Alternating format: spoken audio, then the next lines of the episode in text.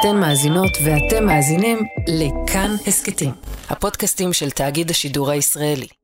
היי, היי, אתם על ההסכת שאין לומר את שמו.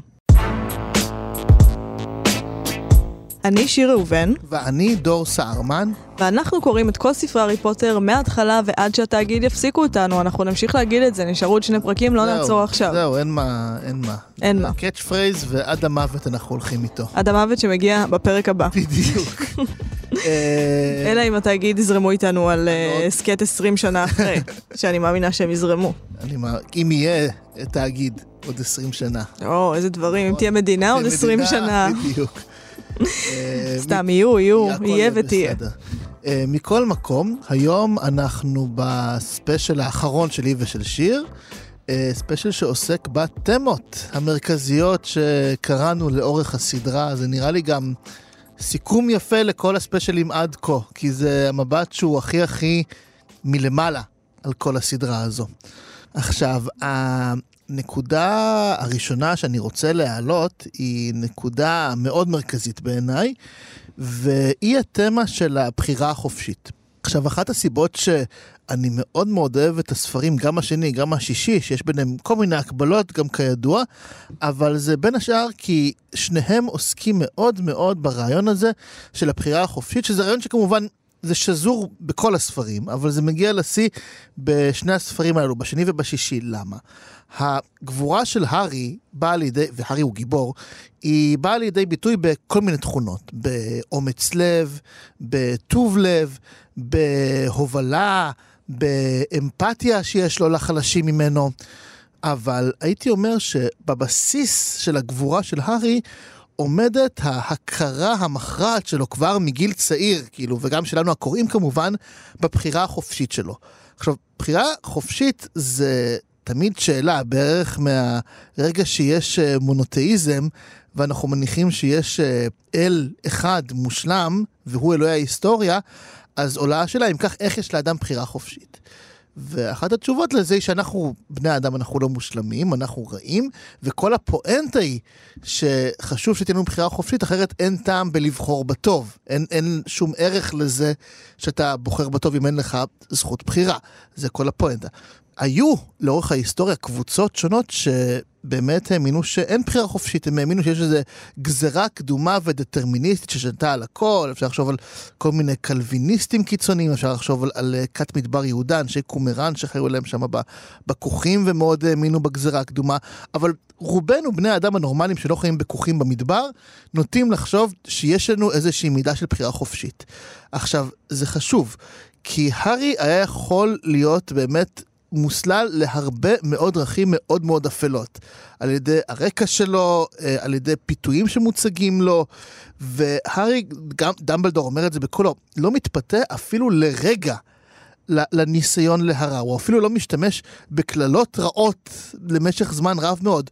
הארי, גם בהתחלה, הוא בוחר לא להיות בסליטרין עוד לפני שהוא יודע את כל הקטע של סליטרין על, על טוהר דם, ולפני שהוא אפילו יודע שוולדמורט היה שם, אך ורק על בסיס זה שיש לו תחושה רעה ממאלפוי, ההוא שהוא פוגש ברכבת ומדבר נורא לטובה על סליטרין, אז בקושי כשהוא יודע משהו על עולם הקסמים, כבר הארי בוחר בחירה מכרעת. והוא בוחר לחלץ את אבן החכמים, והוא בוחר להציל את ג'יני ויזלי ואת סיריוס, ולהילחם מול וולדמורט בספר הרביעי, ולצאת למשרד הקסמים, וללכת עם דמבלדור, ולצאת למסע עם ההורקרוקסים ועוד ועוד. הארי ניצב כל הזמן בצמתי דרכים. שמאוד בולט שהוא נדרש להחליט בהם, בין א' לב', ותמיד גם הוא מקבל על עצמו במודעות מלאה את ההחלטה, ובספרים המאוחרים זה גם מודגש שהוא מודע לבעיות ולאחריות שיש בהחלטות שלו. למשל, כשהוא מוביל את כולם למשרד הקסמים, אז פתאום הוא מודע לזה שאולי הוא קיבל החלטה גרועה. הוא לא תמיד צודק, אבל הוא מכיר בזה שהוא בחר ושיש אחריות לבחירות שלו. וזה כמובן מנוגד לגמרי לוולדמורט, האדם שמשוכנע יותר מכל באיזושהי גזירה קדומה, ושיש גורל אחד שמיועד לו, אדם שאובססיבי לנבואה וממית על עצמו את חורבנו שלו בגלל האובססיה שלו לרעיון שהוא לא יכול לבחור. וולדמורט משוכנע שרק הוא נועד לגדולות, שיש רק מסלול אחד אפשרי עבורו. ובדרך הזו הוא גם מונע כמובן אפשרויות בחירה מהקורבנות שלו. מכאן רולינג מציגה לנו שהגבורה הגדולה ביותר היא בבחירה. אימא של הארי, לילי, בחרה להגן על הארי ולא על עצמה. נכון, ואתה יודע, זה באמת קטע שהוא אומר לה זוזי. נכון. ווולדמורט זה לא מתאים לו להגיד זוזי. נכון. ופשוט רולינג הכניסה גם לשם את האם את בוחרת לזוז ולהציל את עצמך, או למות בדיוק. ולא לדעת מה יקרה בתכלס. נכון, היא לקחה סיכון גדול. כן. אבל היא, ו- והיא בחרה. הייתי אומר שכמעט חופש הבחירה זה ממש מרגיש לי כמו הגיבור האמיתי של, של הספר הזה. כך רולינג ממש מאפיינת את הגיבורים שלה, בעוד שאגב, למשל הנה מאלפוי, דמות מאוד מעניינת, ברגעיו הרעים והחלשים בספרים מאוחרים, מאופיין בזה שהוא לא מאמין שיש לו את הבחירה. ודמבלדור כידוע מוכיח גם לו וגם לנו שיש מוצא. הוא לא תמיד קל, הוא לא בלי סיכון, אבל יש את האפשרות לבחור, וזה רעיון מאוד מאוד מרכזי. יופי של תמה, יופי של נקודה. תודה. כל הכבוד. תודה לך ולרולינג. אה, אני חושבת גם אה, שלגבי מה שאמרת על מאלפוי, שדווקא בגלל שמאלפוי חושב שאין לו ברירה אבל נאבק בזה, נחזור לפרק הדמויות, לכן הוא כזה מדהים. ברור. לכן הוא דמות כל כך כיפית. מאלפוי צריך להיות הגיבור של רומן רציני, שרולינג בדיוק. כותבת בלי קסמים, שהוא בדיוק. פורש מהעולם הזה. שהוא הוא דמות באמת עם, עם מורכבות. כן. מאוד רצינית. יופי של דמות. טוב, התמה הראשונה שאני רוצה להתמקד בה זה זה שבפרקים הראשונים, אין לי את זה מנוסח אה, ב one liner יפה כמו עניין הבחירה, אבל אה, וולדמורט הוא רשע בלי גוף. עכשיו, Hmm. מה שאני אוהבת בזה, זה שאנחנו יודעים שוולדמורט הוא הרשע של הספר הזה מההתחלה. ממש מהספר הראשון אנחנו יודעים שוולדמורט הרג את ההורים של הארי, ואנחנו מבינים שזו ההתמודדות של הארי בספר הזה. זה יהיה הארי מול וולדמורט, זה ברור מההתחלה. ועדיין אנחנו פוגשים את וולדמורט כדמות, עכשיו, אני מדברת עליו כדמות, לא כטפיל או כזיכרון, אלא כדמות שהארי אשכרה צריך להתחמק ממנה ואז לנצח אותה ולהתמודד איתה ישירות. זה קורה רק בסוף הספר הרביעי. וזאת בחירה מאוד מאוד מעניינת של רולינג. עכשיו, אפשר גם, בסוגריים אני אומרת, לחשוב שהיו לה שיקולים פרקטיים, שזה אולי לא לתת לקורא שלה לראות גבר מבוגר ששם לו כמטרה להרוג ילד בן 12, לא ש-14 זה יותר טוב, כן. אבל לילד 12 ו-14, ב-14 אתה כבר מרגיש באדם מבוגר. אה, אבל מן הסתם זה לא כל השיקול, אני אפילו לא יודעת אם היא שקלה את זה, זה סתם השערה שחשבתי עליה. אבל מה שאני אוהבת בזה, זה שעד שוולדמורט עולה לשלטון, וגם אחרי, רולינג מראה לנו משהו מתפיסת עולמה הפוליטית באיזשהו אופן, וזה שרוע לא פשוט מגיע ומתממש בעולם. הוא מחלחל לעולם דרך הרע במיעוטו. עכשיו, בגלל זה אני חושבת שהיא עשתה עוד בחירה מעניינת, והיא זה שוולדמורט דאג לזה שהוא לא יוכל למות. בדיוק כמו הנאצים, שאני בטוחה שאתה תתייחס אליהם בפרק, אז אני לא נוגעת בזה, אה, אבל גם אחרי שהיטלר נפל, האם לא היו תאים רדומים של ניאו-נאצים? האם אנחנו לא רואים עכשיו איזושהי התעוררות אה, של נאציזם, ואיך כל מיני קבוצות בעלות אינטרס משתפות איתם פעולה, כי זה מועיל גם להן.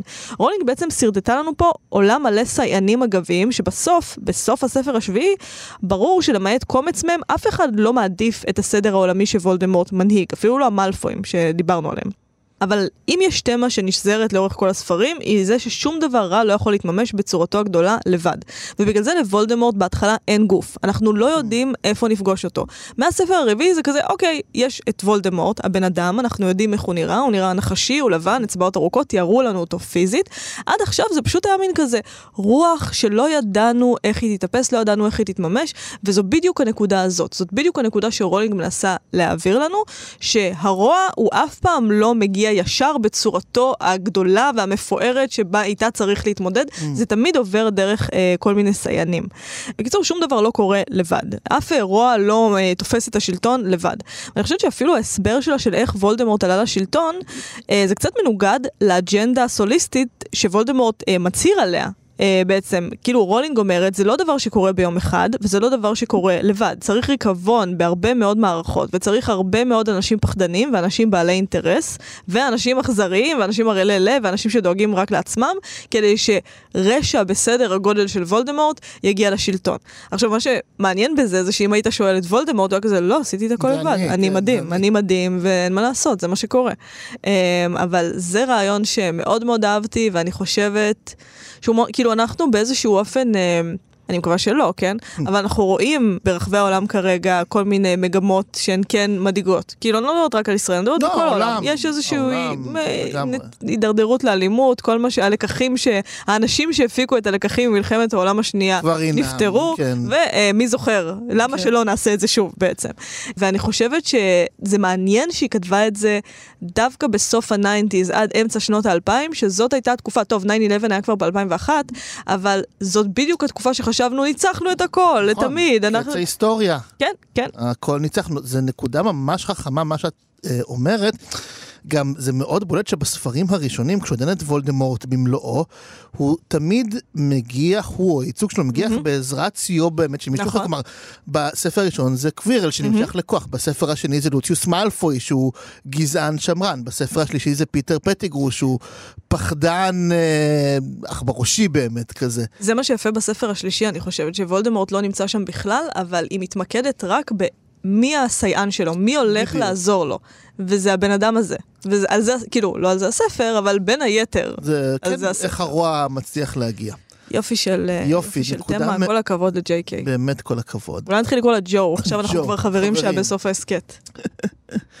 הנקודה הבאה שלי היא נקודה שדיברתי עליה, אני חושב לראשונה, כשהיינו, אגב, בכוך הזה, באולפן הקלטה 11 הנוראי, שאנחנו כן, שוב... בו. הארון שמתחת למדרגות אה, של, אה, שלנו, של ההסכת. אנא תאגיד השידור, תייצרו לו חלון. אי אפשר, זה ממ"ד, זה כאילו, כן. לכאן נכנסים כשמפציצים. שמפציצים, אוקיי. מכל מקום, אז דיברתי אה, על הנקודה שהיא הארוס והטנטוס. זה היה באיזושהי נקודה בספר החמישי. ה, כן, התש, התשוקה והמוות, נקרא לזה ככה. עכשיו, יש מוות כמובן כל הזמן, בספר השביעי דיברנו על זה הרבה, יש לו ייצוג מאוד נרחב, אני לא אחזור על זה. אבל ההליכה של שני ההפכים האלה ביחד, ההפכים, ההפכים המאוד פרוידיאניים כמובן, כן? יצר החיות נקרא לזה, ויצר המוות שקיימים בכל אדם, הם ייצוגים שהולכים לאורך הסדרה יד ביד, זה מאוד בולט בספרים המאוחרים, אבל לא רק. זה לא מקרי שהתשוקה המינית של הארי מתעוררת באופן ממשי בספר הרביעי, היא נרמזת בספר השלישי, כשהוא פעם ראשונה רואה את צ'ו צ'אנג והוא כזה מרגיש איזה... רולינג ככה זורקת איזה טיזר ממש... בשלישי הוא רואה את צ'ו צ'אנג? בשלישי הוא רואה אותה לראשונה במשחק כאילו אה, של, נכון, קווידיץ', נכון, נכון. והוא כזה חושב כזה, היא מי זאת? אה, אה, וזהו, אין יותר מזה, כאילו רולינג זורקת ככה שורה מעניינת. ברביעי הוא כבר ממש שם לב אליה ו- וחושק בה. עכשיו, זה לא מקרי שזה קורה דווקא ברביעי. הארי מתחיל לרצות את צ'ו צ'אנג, כלומר הארוס בו מתחיל אה, לבעור, כשברקע, אנחנו כקוראים יודעים, וולדמורט מתכנן את חזרתו הממשית. ה- המוות הולך ומתקרב.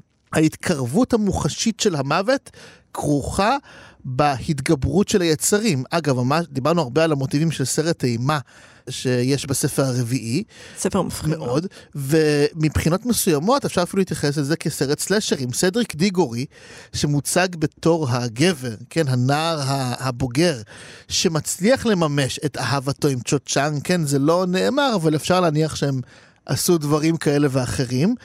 אה, וכמו בסרטי אימה, הוא בא על עונשו, הוא נרצח, כי הוא מימש את הארוס שלו. אני לא חושב שרולינג באמת התכוונה לזה, כי זה לא סרטי ג'ייסון ופרדי קרוגר באייטי, זה בכל זאת קצת יותר. אבל אולי זה לא מקרי, כלומר, אני לא חושב שמתייחס למיניות כדבר פסול, אבל ללא ספק יש עניין בין ההתעוררות המינית להתעוררות של המוות שמאוד כרוכים אחד בשני.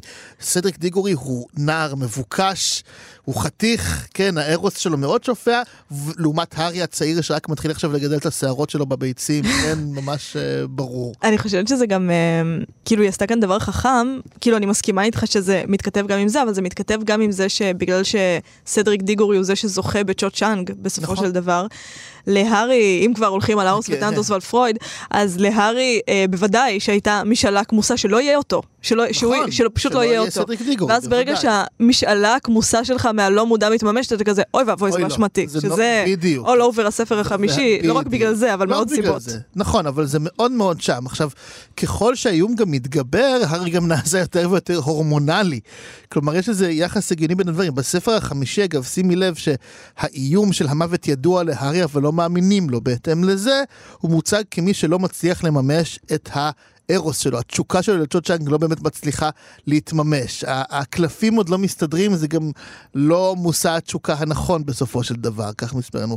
בספר השישי, הארי הוא אדם עם הרבה יותר ביטחון, ואז הוא כאילו גם מוצא את החלק בפאזל שמתאים לו. וגם אם אנחנו לא מסכימים עם החלק בפאזל שהותאם לו, לא, אין לי בעיה עם ג'יני. ג'יני ויזלי. יש לי בעיה יותר גדולה עם הרמיוני ורון כן. מאשר עם הארי וג'יני. אבל ברור שבסוף, אה, אמ, רולינג מנסה לעשות לנו, אה, ושימי לב אגב שגם בספר השביעי, כל עוד הארי אה, בורח מוולדמורט, נמצא בסוג של מסע בריחה וחיפוש, הוא גם מנותק לחלוטין מהארוס שלו. הוא מנתק את עצמו מג'יני, הוא משתוקק אליה כמובן, אבל הוא לא יכול לבוא איתה במגע. רק מרגע שהוא פתר סופית את עניין וולדמורט, הוא יכול לחיות איתה, להביא ילדים לעולם, ובכך לפתור את הקונפליקט הסקסואלי הסופי. הדברים אה, כרוכים כל הזמן אחד בשני. שגם זה, כשחושבים על זה, הספר האחרי דבר זה 13 שנים אחר כך? 19. 19. באיזה, הם מביאים ילדים נורא צעירים שם, בעולם הקסמים. זה גם אגב מאוד, אה, זה מאוד קשור לדעתי, כאילו תחשבי שיש, את חיה תחת כאילו כן, איום כן, של כן. מוות. מאוד, זה עשו חישובים והראו שכאילו הארי נולד גם להורים שלו כשהם היו בני כן, כן, 20. 21. זה, אתה חי באיום מוות של מוחשי, אתה רוצה להביא ילדים. גם uh, בגטאות המשיכו להביא ילדים, במחנות ההשמדה המשיכו להביא ילדים. באמת? מחנות הריכוז. כן, אנשים כאילו חרמנים, אתה, וואו. אתה, כאילו אפילו כשאתה בזה, אנשים חרמנים. לא, לא, אני חושבת שיש פער אבל בין חרמנות לבין אה, להביא להפוך ילד. אותה לילד. כן, אבל לא, לפחות לא אה, יודע כמה... לפחות בנטייה המינית שלי. כן, טוב, לא יודע כמה הם הקפידו על משגל נסוג ב... כן, כן. אתה בשואה, אתה בשואה. אולי כאילו, לא, נו, זה לא. הדבר הכי חשוב אתה אומר, בעולם. אני בכלל צריך, אני בכלל, את אומרת, אני בכלל צריך להיכנס להיריון, כאילו, במצב... אוי, איזה דבר יפה? ואירוני שאתה אתה בשואה, כן. דבר יפה, ואתה כזה, אה, מוות כל כך קרוב, למי אכפת ממשגל נסוג? למי אכפת כן. מלא להיכנס להיריון? אה, יש לי ילד עכשיו. כן, איכשהו. כן. וואו. טוב, הנקודה הבאה שלי היא אה, הארי פוסט-טראומטי. אה, עכשיו, אני אה. חושבת שאמרתי את זה, הפתעה גדולה שזאת תמה שאני אוהבת. אה, אני חושבת שאמרתי, אני לא חושבת, אני בטוחה שאמרתי את זה כמה פעמים, אבל אני אגיד את זה שוב. ברגע שקלטתי שהארי הוא למעשה פוסט-טראומטי, וזה קרה בצפייה מסטולה בסרט השני בעת המשבר, אני הבנתי שאני הולכת לעשות את הפודקאסט הזה. עכשיו, זה לא סתם שהיא כתבה דמות פוסט-טראומטית, היא כתבה דמות פוסט-טראומטית מאוד מאוד מרובדת. דבר ראשון, הוא הגיבור שלנו. הוא הגיבור שלנו ויש לו פוסט-טראומה. עכשיו, כמה שלכלכתי על הארי בספר הראשון, שהוא ישו וזה, בסדר גמור חמודה שלי, בואי תקראי את הספר השני ודברי איתנו, כי בסופו של דבר יש לנו כאן גיבור שהתמודד עם דברים קשים מאוד, שעברו רודף אותו בלי הפסקה, בין אם זה בצורת חלומות או חזיונות או סיוטים, ובין אם זה פיזית. הבן אדם שמעבר ניסה לרצוח את ההורים שלו, חוזר ומנסה לרצוח אותו. וזה מוצג לנו שוב ושוב כגבורה, לא כחולשה. להתעלף כי הסוהרסנים גרמו להיזכר באימא שלו אה, שצרחה לפני שהיא מתה. בתוך הוגוורטס כמובן יש לזה התייחסות אחרת, אבל עבורנו כקוראים, זה רגע שבו הגיבור נופל במשחק ווילד של מטאטא, ולא רגע של אוי, הוא התעלף אה, בקניון כי כן. אה, הוא צריך סוכר. רון לעומת הארי, שלא צריך להתמודד עם הדברים האלה, מוצג כטיפה משעמם, אפילו באיזשהו אופן. אפשר אפילו אה, להניח, אני שקלתי להכניס את זה כתמה, אבל Mm. אה, החלטתי שבסוף אתה כיסית את זה בדמויות. את אה, תמת הקנאה של רון כן. אה, בהארי, את הקנאה בין אה, חברים הזאת, אבל אני חושבת שאחד הדברים שרון מקנא בהם באיזשהו אופן זה... איך התמזל מזלך שיש לך את הביוגרפיה הזאת? אני לא יודעת אם הוא היה מחליף אותו, אבל הוא כן דפנטלי מקנא גם בזה. כן, כי רון בסוף, אה, מה הוא חווה? חרדות ולחצים כמו שיש לכולנו, כאילו אה, פחד במה כזה נקרא לזה, כן, חרדת ביצוע. אבל אה, אין לו תירוץ טוב במרכאות, אה, כמו שיש להארי, עם, ה- עם הטראומה הקשה והנוראית הזו, שגם מעוררת מאוד אמפתיה. גם אמפתיה וגם הערצה באיזשהו אופן. עכשיו, הפוסט-טראומה של הארי מוצגת בעצם כמה שהיא, כמה שכל פוסט-טראומה היא, שזה גבורה. יש לו עבר מאוד מאוד אפל, ואנחנו רואים אותו כמו שהוא. מישהו ששרד דבר שאף אחד לא שרד, ולכן הוא גיבור. זה מה שהופך אותו לגיבור בעולמו. וזה לא סתם שרולינג בחרה לתת לו צלקת מאוד ייחודית, ולשים אותה על המצח כדי שכולם יוכלו לזהות אותו. כי מבחינת רולינג הדבר הקשה שהוא עבר, זה מה שהופך אותו למישהו, וזה מה שהופך אותו לגיבור. והמגע שלו עם זה, כלומר, זה שהצלקת נשארה איתו, והקושי שלו בהתמודדות עם מה שהיא אומרת, וההתגברות על זה, זו חלק מהגבורה שלו. לא זה שהוא העביר את זה הלאה והמשיך. עכשיו, אני חושבת שזו תפיסה נכונה, ושוב, אין לי נקודה על השואה, אבל אני אזכיר אותה בכל נקודה אחרת, אה, לעומת מה שקרה לניצולי שואה עד משפט אייכמן, שאז ראו בטראומה שלהם משהו משונה, שגם הזכיר לכולם את מה שהם ניסו להדחיק באמצעות אה, הקמת המדינה הזאת, את החולשה, את החוסר אונים. רולינג מעניקה להארי את המבט של שרדת משהו מאוד מאוד קשה, ואתה גיבור. עכשיו, חוץ מזה, אה, מעבר לזה שאני מאוד אהבתי את זה שאת הייצוג המכבד והאמיתי, כי הרי באיזשהו אופן, לא לכבד פוסט-טראומה, לא לכבד טראומה שבאדם מוח, כמו שמלפוי עושה להארי, הרבה פעמים צוחק על ההורים שלו נכון, פה מלגלג. ושם, זה, ועל זה שהוא מתעלף. זה באיזשהו אופן הדבר הטבעי לעשות. בגלל ש... ואני חושבת שזה לא סתם שמלפוי עושה את זה, זה הדבר הטבעי לעשות בגלל שגם הארי וגם, אם הזכרנו את השואה, מייצגים תקופה בעבר שאנחנו לא רוצים לחזור אליה. זה לא סתם שפאג' כל כך מתנגד לזה שוולדמורט חוזר. אנחנו לא רוצים לחזור למקומות האלה, גם לא במחשבה שלנו. וברגע שיש לך עדות לזה שהדבר הזה באמת קרה, אתה יכול או לכבד אותה ולהתייחס אליה כמו לאנדרטה בשר ודם, שאומרת, אה, נכון, היה את השנים הנורא נורא קשות האלה, שבהם כולנו כמעט מתנו. בין אם זה בגלל השואה או בגלל וולדמורט, אבל uh, אם אנחנו נקטין את זה, אם אנחנו נלגלג על הבן אדם הזה ובעצם נבטל אותו, נבטל את הסבל שלו שאותו הוא נושא לכל מקום, אנחנו פחות נצטרך להיות במגע עם זה. ואני חושבת שזה לא סתם שמלפוי מלגלג עליו, כי מלפוי באמת, זה לא הנרטיב שלו. כן. הנרטיב, לפחות זה לא הנרטיב שהוא גדל איתו בבית, הוא לא יודע מה הנרטיב שלו כי הוא ילד. אבל הנרטיב שהוא גדל איתו בבית זה, זה שטויות, ולכן הוא זה שמלגלג על הארי. Um, עכשיו, מעבר לזה, בכל פעם שקראנו, אני פשוט נפעמתי מכמה האישה הזאת עשתה עבודה, האישה הזאת היא רולינג, אה, עשתה עבודה מדויקת, וכמה היא נתנה לגיבור שלה שהוא בדיוני בעולם של קסמים. תיבת תעודה פסיכולוגית שהיא מדויקת, ל- נכתבו עליה ספרים ברבים. כלומר, למרות שזה הכל בדיוני ושרביטים וקללות, הפסיכולוגיה של הארי היא אחד לאחד אדם שמתמודד עם טראומה, אדם שמתמודד עם אבל. כן. החלקים היחידים שהם לא הגיוניים זה שהוא עובר שנים של טיפול במחי הבחנה אחת שהיא כותבת, טוב, אין מה לעשות, הבנתי את זה ואת זה זה ספר ואת זה. פנטזיה. בדיוק, זה החלקים היחידים כן. שהם בדיוניים בפסיכולוגיה שלו.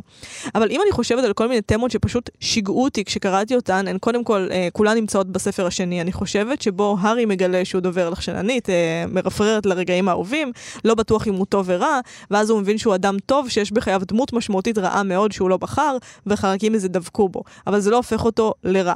שזה זה כל כך מורכב, והיא עשתה את הכל במטאפורות, וזה כאילו מזקק, באמת, אה, אה, סנטימנט כל כך, ששוב, דיברנו על זה בספר השני, אין טעם, אפשר לחזור אה, להמלצה שלי על הסרט היפה טריפ של חמלה.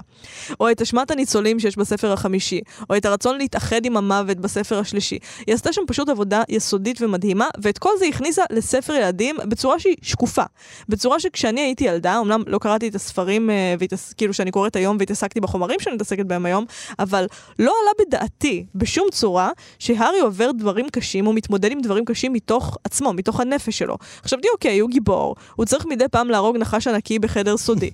ואני חושבת שזאת הגדולה שלה כסופרת, וחד משמעית, זאת התמה האהובה. אני לא סיימתי איתה, כי הרגשתי שדיברתי על זה לאורך כל ההסכת, אבל uh, זאת התמה האהובה עליי, שלא לומר, uh, בזכותה אנחנו פה. נכון, נכון, זו תמה נהדרת שמוכיחה, אני חושב שאת הראית מאוד נכון שבתור ילדים אנחנו קראנו את זה בתור האויב החיצוני, מהמם. וולדמורט, מפלצות, דרקונים, סוהרסנים וזה, ובתור מבוגר אני מאוד קורא את המאבק הפנימי, את האויב שבפנים, מהמם. כלומר, זה, זה עמוק יותר פשוט. יופי של ספר. יופי, יופי.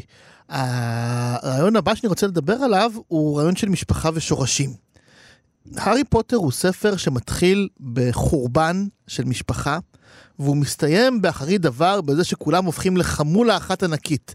כלומר, זה ציר מאוד מאוד ברור. אפשר לקרוא את כל הארי פוטר פשוט כהגשמת החלום של הארי, מהראי של ין פטה שהוא רואה בספר הראשון, בסוף הוא הגשים את uh, חלומו הגדול ביותר. נכון מאוד. פעם אחר פעם, הארי כמה למשפחה שתהיה מסביבו. בין השאר כי שארי הבשר שלו הם אכזבה כל כך גדולה, והם כל כך לא רוצים בו, כי האחות של אימא שלו, האדם, אנחנו מגלים שהיא האדם היחיד בסביבה שלו שהכיר את עולם הקוסמים, והכיר אותו לא רע אפילו, אבל היא מתכחשת לזה לגמרי. והיא מתכחשת גם אליו, מכל מיני סיבות שהתווכחנו עליהן בפרקים כן. הקודמים. ולכן הארי נמצא במין מצב של חידלון מתמיד ובכמיהה אחרי סביבה תומכת. עכשיו, אין שום ספק שרון והרמיוני מספקים עבורו משפחה מחליפה, וגם הוגוורטס בכלל. עכשיו, נוטים להקביל כן את הארי ווולדמורט, שראו שניהם בהוגוורטס את הבית שלהם, אבל אני חושב שיש הבדל משמעותי. כי הארי מתייחס להוגוורטס ממש בתור home, מה שנקרא בנגיד home. ואצל וולדמורט זה יותר house, הייתי אומר, יותר מין כזה מבנה מגניב, הוא יגלה פה דברים, הוא יסתיר פה דברים. אצל הארי זה המקום שבו המשפחה נמצאת, המקום שבו הסביבה דואגת לך ואתה דואג לה בחזרה, בלי שאתם מצפים לאיזושהי תמורה הדדית. זה בדיוק הרעיון במשפחה, בשונה מעסק, כן? לכן גם ברור מאוד כמה הארי כמה לסיריוס הסנדק שלו, שזה עוד משפחה שהוא מאבד. למעשה, הארי איבד את כל החברים הטובים של אביו, את סיריוס, את לופין ואפילו מבחינה מסוימת גם את זנב תולה, שהוא ניסה איכשהו להציל וזה, והוא לא הצליח. כולם בסוף נהרגו על ידי תומכיו של וולדמורט או על ידי וולדמורט עצמו. הארי גם בונה לו משפחה חלופית עם צבא דמבלדור, במיוחד בגרעין הקשה של הצבא, עם ג'יני, נביל ולונה, שנוסף לרון והרמיוני מתפקדים הרבה מעבר לחברים, ברור שהם כבר סוג של משפחה.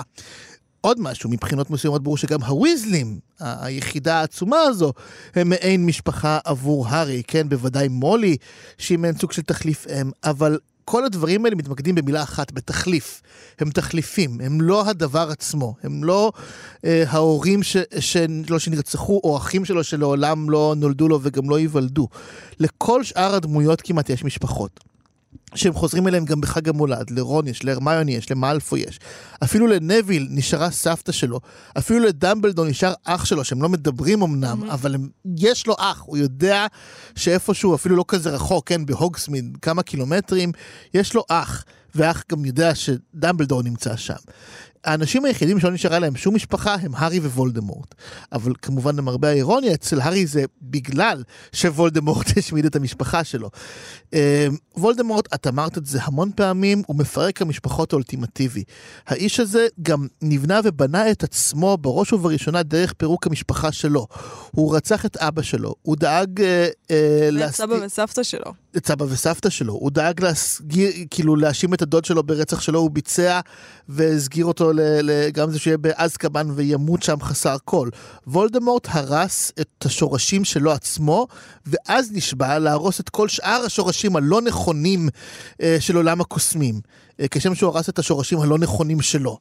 הארי לעומת זאת מחפש נואשות אחרי שורשים, אחרי עקבות. לאורך הספרים הארי הרי מחפ... אובססיבי לכל דבר שהזכיר לו את uh, אבא ואימא שלו, במיוחד את אבא שלו, כן? הוא מחפש כל בדל של זיכרון, של מכתב, של תמונה שהוא חוזר אליהם שוב ושוב, כן? לכן גם האלבום שהאגריד נותן לו בסוף הספר הראשון זה מחווה כל כך יפה. הארי מחפש פיסות כדי להגיד אותן למשהו שיוכל לפחות לחיות בראש שלו. כי תחליף הוא רק תחליף, זה לא הדבר האמיתי. לעומת זאת, וולדמורט רק עוסק בהשמדה האובססיבית של הדבר הזה, ממש הפוכים בהיבט הזה. לכן דינו של וולדמורט אה, האדם שהשמיט את השורשים שלו, דינו הוא השמדה עצמית. ואילו דינו של הארי שרק מחפש אחרי השורשים, באין היכולת לתקן את העבר, הארי לפחות מקבל את העתיד כתמורה. הוא יכול להקים משפחה משל עצמו. זו התמורה שהוא מקבל הניסיון לחיות את השורשים שלו ולהחיות אותם שוב ושוב. זהו, זה יפה נורא. זה באמת יפה נורא. זה כמי, אני הדרכתי חמש שנים בבית התפוצות, אז הדברים האלה נורא מדברים אליי. על- כל פעם היו באים ילדי כיתות ז' והייתי מסביר להם למה לכתוב עבודות שורשים זה חשוב. אז, אז הנה, זה הסיבה שזה חשוב. אני כל כך שמחה שגם צילמתי את העבודת שורשים שלי זה ממש. בווידאו, בגלל ש... כאילו, אני חושבת, יש לי את זה. יש לי כן. אותי, הבת 12, מראיינת את, באמת, שואלת בטח את, כאילו, אני בטח אראה את זה עכשיו ואני אצרח על הטלוויזיה, כמו שאני צורחת על הטלוויזיה כשאני רואה רעיונות לא טובים. לא זאת השאלה, זאת לא השאלה הנכונה, אבל עדיין. טוב, אה, נקודתי הבאה היא הכל מורכב. אך, עכשיו, אנחנו מקליטים אה, את פרק התמות האהובות עלינו, ומיד אחר כך אה, גילי בר הלל תבוא ותקליט איתנו ספיישל. עכשיו, בספיישל הראשון, אה, באולפן הזה למעשה, אנחנו כן. אירחנו את אה, שלי יחימוביץ', אה, הכינה לנו, נזכיר, סנדוויץ' מדהים, פשוט סנדוויצ'ים מדהימים.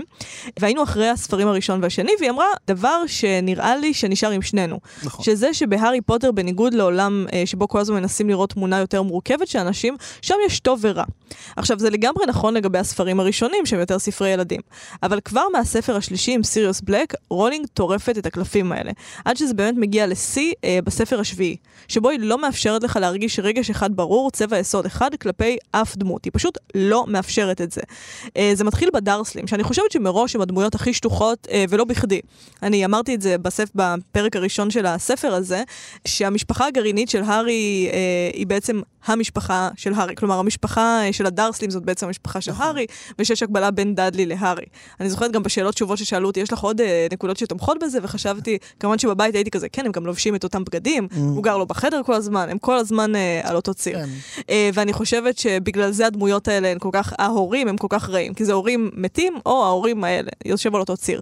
אבל גם שם בסוף אפילו דאדלי אומר אה, למה הוא לא בא איתנו, על הארי. אה, וגם, אה, אתה יודע, דמבלדור הוא טוב, אבל הוא היה חבר של קוסם ממש אפל, אז הוא טוב או רע? הארי הוא מן הסתם טוב, אבל הוא עושה קללות שאין עליהן מחילה. אבא של לונה הוא תומך של הארי גם כשאף אחד לא תמך בו, אבל הוא מנסה להסגיר אותם לאוכלי המוות כדי להציל את הבת שלו. טוב או רע? משרד הקסמים גם נלחם בוולדמורט, אבל לא בדרך של הארי. טוב או רע? ויש עוד ועוד דוגמאות כאלה לאורך כל הספרים. שוב, סנייפ, בטח, כן, כולם. אין נכון. אף אחד שאתה יכול להגיד, אה, בטח, הוא רק טוב. אמ, אפילו אה, הרמיוני שוברת להארי את השרביט. שרביט. רון, הולך וחוזר. רון שמוק. כן. זה- עכשיו, יש עוד ועוד דוגמאות כאלה לאורך הספרים, אה, בעיקר בספר השביעי, וזה קודם כל צעד אמיץ, כי זה מורכב ספרותית. וגם כי רולינג השכילה לתאר מה קורה לאנשים ולמוסר שלהם במצב חירום. עכשיו, יש סרט אה, מאוד יפה שנקרא גנבי האופניים. אני אומרת סרט יפה למרות שנרדמתי במהלכו לחצי שעה באולם של סם שפיגל, אבל זה כי הייתי בת 22 ולא הבנתי איזה מדהים מה שאני רואה. אבל אה, זה סרט איטלקי על התקופה שאחרי מלחמת העולם השנייה, משבר כלכלי מאוד חמור, והגיבור צריך אופניים כדי לעבוד. ואז האופניים נגנבות, הוא נדפק, הוא מנסה למצוא אותם, לא מצליח, מחפש את הגנב, בלה בלה בלה, בסוף הוא מנסה לגנוב אופניים בעצמו. עכשיו, מה הסרט בעצם אומר? במצב חירום כולנו גנבי האופניים. אין מוסר, המוסר משתנה ביחס לצרכים. זה מה שקורה במצב חירום. למשל, במצב של דיקטטורה ורודנות, כמו מה שמתואר לנו עם וולדמורט. עכשיו, במצב כזה אין את הפריבילגיה לשמור על הטוב והרע שהם סטרילים, של עיתות שלום, למשל עם הקללות שאין עליהם מחילה. למה הארי משתמש באימפריוס כדי להיכנס למשרד הקסמים? ככה כי הוא צריך, כי זה העולם עכשיו, אין מה לעשות. הוא חייב להיכנס למשרד הקש- הקסמים ולהשמיד את, האור, את האורקרוקס. אם הוא לא יעשה את זה, וולדמורט יחיה, אז האם באמת אין על הקללה הזאת מחילה? עכשיו, קודם כל, שוב, זאת בחירה מאוד ריאליסטית לספר פנטזיה. היא יכולה להמציא מה שהיא רוצה, מה שעולה על רוחה, וזה יכול גם לא להסתדר להרבה מהקוראים ב continuity, מסע בזמן, איפה זה, אה, אבל הבסיס האנושי של הדבר הזה, הפסיכולוגיה והפסיכולוגיה החברתית, זה אחד לאחד אמיתי. ושוב, אם נדרש להבין אה, למה הספר הזה הצליח ככה, הנה עוד נקודה לזכותה של רולינג. מה שאני אוהבת בזה, אם לקצר, זה שגם בחיים בסופו של דבר, אתה מבין באיזשהו שלב שאין טובים ואין רעים באמת. כלומר, אולי יש, אבל יש מעט מאוד אנשים שאפשר לומר עליהם, הוא רק טוב, הוא לא עשה שום דבר רע, או הוא רק רע. וזה סדר שאתה באמת יכול לעשות אולי בגיל 11 או 12, אבל אם אתה מחלק ככה את העולם כבאדם מבוגר, אתה מפספס הרבה מאוד דברים. אתה מפספס גם הרבה טוב של אנשים, וגם הרבה רוע של אנשים, ושניהם דברים שעדיף להביט בהם במבט מפוקח. גם אם בן אדם שאתה אוהב עושה דברים רעים, עדיף שתסתכל על זה. וכשקראנו את הספר השביעי, אני ממש ראיתי כמה זה מופיע בכל פרק, בכל פסקה. אף אחד הוא לא רק טוב, אף אחד הוא לא רק רע. ואהבתי את זה מאוד. כאילו, אני חייבת לומר שבהתחלה הייתי כזה, מה זה, אני לא מבינה מה, אני לא מבינה מה להגיד, אני לא מבינה מה את רוצ... מה ניסית לומר לי, ואז אני כזה, אה, זה מה שהיא רצתה לומר לי, היא רצתה שאני בסדר גמור. אפילו וולדמורט בסוף, כשחושבים על זה בקינגס קרוס, הוא זוכה לחמלה כשהארי רואה אותו כמו שהוא מתחת לכל רוע. אפילו וולדמורט בסוף הייצוג שלו שהארי רואה זה תינוק בלי אור, שאומנם אי אפשר לעזור לו, אבל תינוק בלי אור. שהארי רוצה לעזור לו, שמעורר את חמלתו של הארי. וזאת נקודה מאוד מאוד uh, חכמה שלה. נכון, נכון מאוד. של ג'ו, הידידה של שלנו. ג'ו. הנקודה האחרונה שלי, אה, היא, טוב, איך לא, כאילו קראתי לזה פה השואה והגזע והנאצים והכל, אבל, אבל זה לא סתם שזה הפך ל, לסימן המסחרי של ההסכת הזה. מה שיפה זה שלנאצים לא מגיע שום זכויות יוצרים על זה. עשינו כל כך הרבה רפרנסים, באמת, לאורך, יש גרפים שמציגים מתי הזכרנו בכל פרק את השואה או את הנאצים או משהו כזה, זה באמת דבר שכל כך נמצא. עכשיו, אנחנו באמת לא המצאנו את זה, כי קל לראות איפה זה נמצא בסוף בסדרה. כן, ההקבלה היא ברורה, כן, אוכלי המוות הם כמו הנאצים וכולי, קל לראות את זה. אבל במובן העמוק של המילה, יש פה את שאלת היחס לגזע ושאלות של דה-הומניזציה. כי מה בסוף, אנחנו רואים את זה בעיקר בספר השביעי, אבל גם לפני זה בכוונות, אבל מה בסוף, מה עושה המשטר של וולדמורט? הוא קודם כל מסמן את הבוצדמים, את כל מי שהוא קוסם שהוא בן של מוגלגים, ואת כל מי שהוא חצי קוסם, רק חצי מוגל וכולי, קודם כל הוא מסמן אותם. שזה בחקר הג'נוסיידים, כלומר לא רק קשור, בכלל רציחות עם, זה הדבר הראשון שעושים. מסמנים מי בקבוצה א' ומי לא שייך לקבוצה הזו, מי הוא משהו אחר, ומתחילים להפריד. כי ג'נוסייד הוא תמיד תמיד תהליך של דה-הומניזציה. כדי להשמיד אוכלוסייה שלמה של בני אדם, אני חייב לשלול מהם את האנושיות שלהם קודם כל. רק ככה אני אוכל להיכנס לאיזשהו state of mind כזה של, אוקיי, לגיטימי להשמיד אותם, הם לא בני אדם בכלל. אמ, זה מה שקרה בשואה, זה מה שקרה ברואנדה, שואה ארמנית, מה שאתם לא רוצים. אז יש סימון, זה מאוד ברור, שימי לב, בספר השביעי, זה גם כשאנחנו רואים את התהליכים, מה הוא עושה? הוא מסמן אותם, ואז הוא לוקח מהם את השרביט שלהם, זה מה שעושה המשטר הזה, כן? הוא, הוא שולל מהם את הזה, זה, לפני הדה-הומניזציה, הוא עושה להם אה, דה-קוסמיזציה. נכון. הוא, כי יש פה שתי בעצם, יש פה עוד איזה מדרג. הוא שולל מהם את הזהות שלהם כקוסמים, הוא אומר, זה פשוט לא הגיוני שאתם קוסמים. אתם מרמים, את, אתם אולי עושים כאילו אתם כועסים, אבל אתם לא באמת. ואז ברגע שהוא גם שולל מהם את השרביט, הוא שולל מהם את היכולת להתקיים באופן עצמאי, ואז אנחנו רואים כאילו אנשים מושפלים, אה, בלי קורת גג, בלי כסף, מקבצים נדבות, וכמובן שדמם מותר לחלוטין, והם חלקם בורחים, כן, ואפשר לרצוח אותם ולא להיענש על זה. כלומר, יש פה הידרדרות שלב אחרי שלב. במובן הזה, וולדמורט עושה לקוסמים שאינם טהורי דם, אותו תהליך שהנאצים עשו ליהודים ושתמיד אה, מבצעים, עושים לקורבנות שלהם ברצח עם. שהם הופכים את הקורבנות לסטריאוטיפים שהם אומרים עליהם. למה הכוונה? הנאצים אמרו, היהודים הם גנבים, הם כמו עכברושים, זה, אי אפשר לסמוך עליהם. ואז מה הם עשו? הם תקעו את היהודים באמת בתנאי מחיה נוראים בגטאות, והיהודים אכן נאלצו בתנאים האלה לגנוב אחד מהשני, לחיות חיים שאינם חיים של כבוד. ולהתנהג באופן לא האנושי היפה המתורבת, אלא לעשות, להיות במלחמת קיום. וזה אולי אחד הדברים... כאילו יש הרבה דברים נוראים שהנאצים עשו, אבל השלילה הזו של צלם האנוש, להפוך את הבן אדם לסטריאוטיפ שאתה אומר עליו, זה מעשה כל כך נבזי, אין מילה על הדבר הזה, זה כאילו, זה יותר מנבזי, אין לזה מילה בעברית בכלל לדבר הזה. כיבוש. בהקשר לזה חשוב לשים לב לעוד משהו אגב, וזה שהקוסמים שאינם טהורי דם מטרידים את וולדמורט ותומכיו הרבה יותר מקיומם של מוגלגים. כלומר, המוגלגים הם, הם רוצחים, מתעללים בהם, אבל נראה שמי שבאמת חי באיום מתמיד, אלה אותם קוסמים uh, מעורבים. ולמה? כי שוב, בדימוי הזה, הקוסמים המעורבים הם היהודי הגרמני שהתערה בארצו. הוא האדם שכלפי חוץ, לפי ההיגיון הנאצי, נראה כמו אדם רגיל, הוא מדבר באותה שפה כמוני, הוא מדבר גרמנית, הוא עובד איתי, הוא חבר שלי, הוא מתחתן איתי, הוא חי איתי, הוא, הוא, הוא אדם רגיל כמוני וכמוך. אבל זה הכי מסוכן, כי במהות שלו הוא יהודי. לכן היהודי הוא הרמאי האולטימטיבי, כן? הוא, הוא עובד עליך. כמו קוסם שהוא לא טהור דם, אתה חושב הוא קוסם כמוני, אבל לא.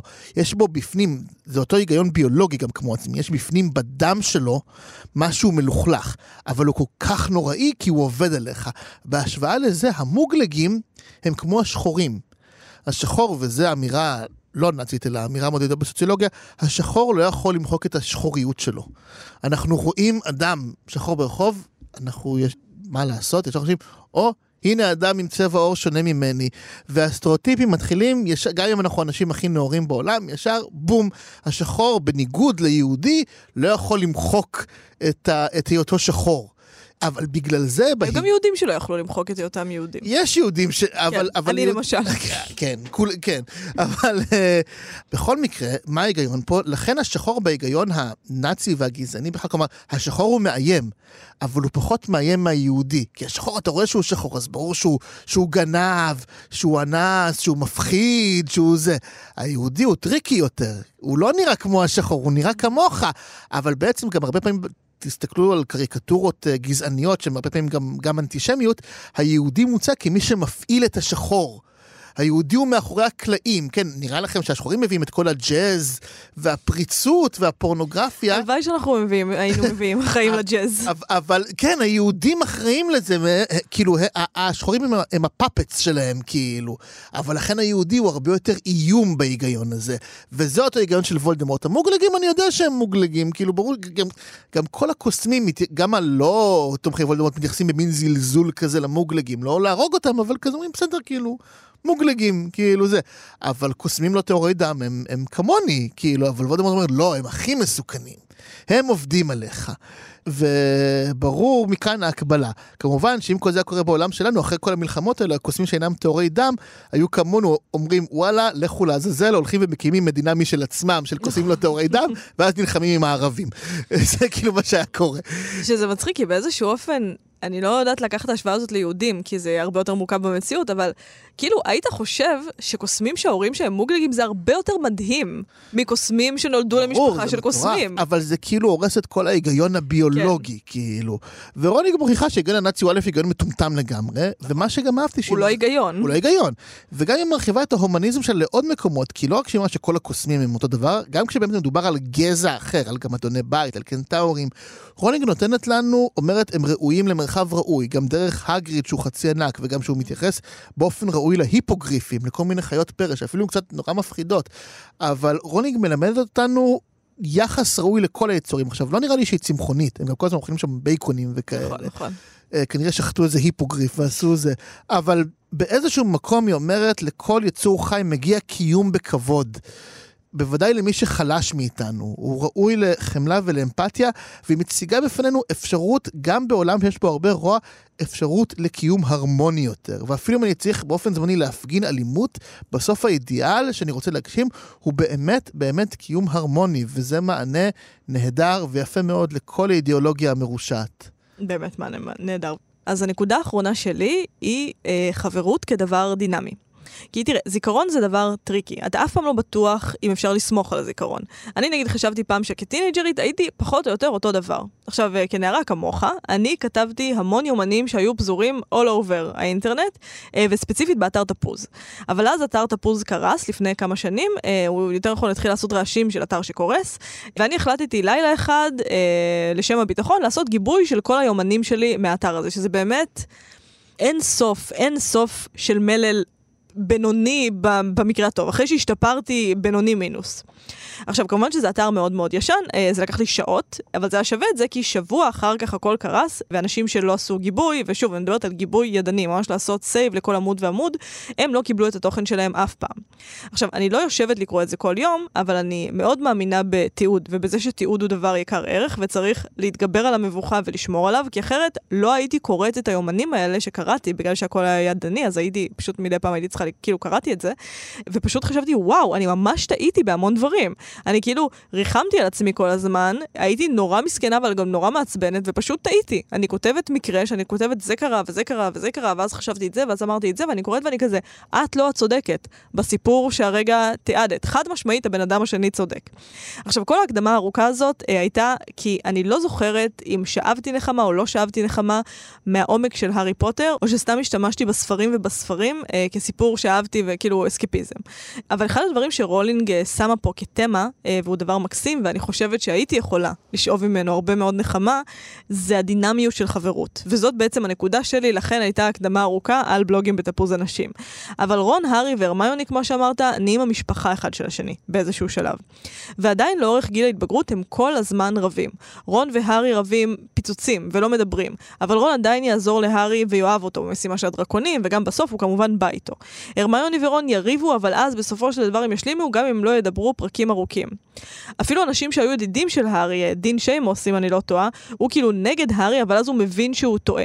Uh, עכשיו, אני לא יודעת עד כמה זה אמין לגיל ההתבגרות, כי אלה ילדים מאוד מאוד בוגרים שרבים ומשלימים ומודים בטעות שלהם. אני מניסיוני זה יותר גיל שרבים בו ולא מדברים כל החיים, אבל יש בזה משהו מאוד מנחם גם כנערה uh, וגם לנו כמבוגרים. כי יש מחשבה שאנשים שקרובים אלינו צריכים להיות קרובים אלינו כל הזמן. אולי uh, לא מחשבה, אולי זאת פנטזיה, שאנחנו צריכים להיות בטוב, שיחסים מיטיבים או חבריים או אפילו זוגיים הם קו ישר. הם uh, רכבת שיוצאת מנקודה A מגיעה לנקודה B. אבל בפועל החיים הם יותר דינמיים, החיים הם דינמיים נקודה. ומערכות היחסים בתוכם מושפעות ממה שקורה. ולפעמים אנחנו רוצים משהו שסותר משהו שמישהו שמאוד קרוב אלינו רוצה, ויש פגיעה, הכל יכול לקרות. אבל מה שרולינג עשתה פה זה להראות לנו שהמסגרת של חברות, המסגרת של אהבה, אה, מחזיקה את זה.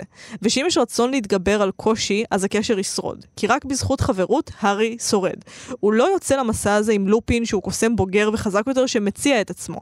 והוא גם לא יוצא למצע, למסע הזה אפילו עם דובי, שהוא גם אדון בית ולכן הוא מאוד מוכשר ובעל אה, יכולות וגם מעריץ אותו ויעשה כל מה שהוא אומר. אה, והוא לא יוצא למסע הזה עם משרד הקסמים. הוא יוצא אליו עם שני חברים שלו מבית הספר, שיודעים פחות או יותר מה שהוא יודע. כי בסוף הידע לא משנה. מה שנתן לו את הכוח זה העובדה שהאנשים האלה הולכים איתו באש ובמים, שהם אוהבים אותו עד כדי כך, והם אוהבים אותו מספיק כדי ללכת ולחזור, או כדי לשבור לו את השרביט ושזה ייסלח מרוב שהם ביחד. וזה מה שהוא היה צריך כדי לשרוד את המסע הזה ולהתגבר על וולדמורט, זה חברות.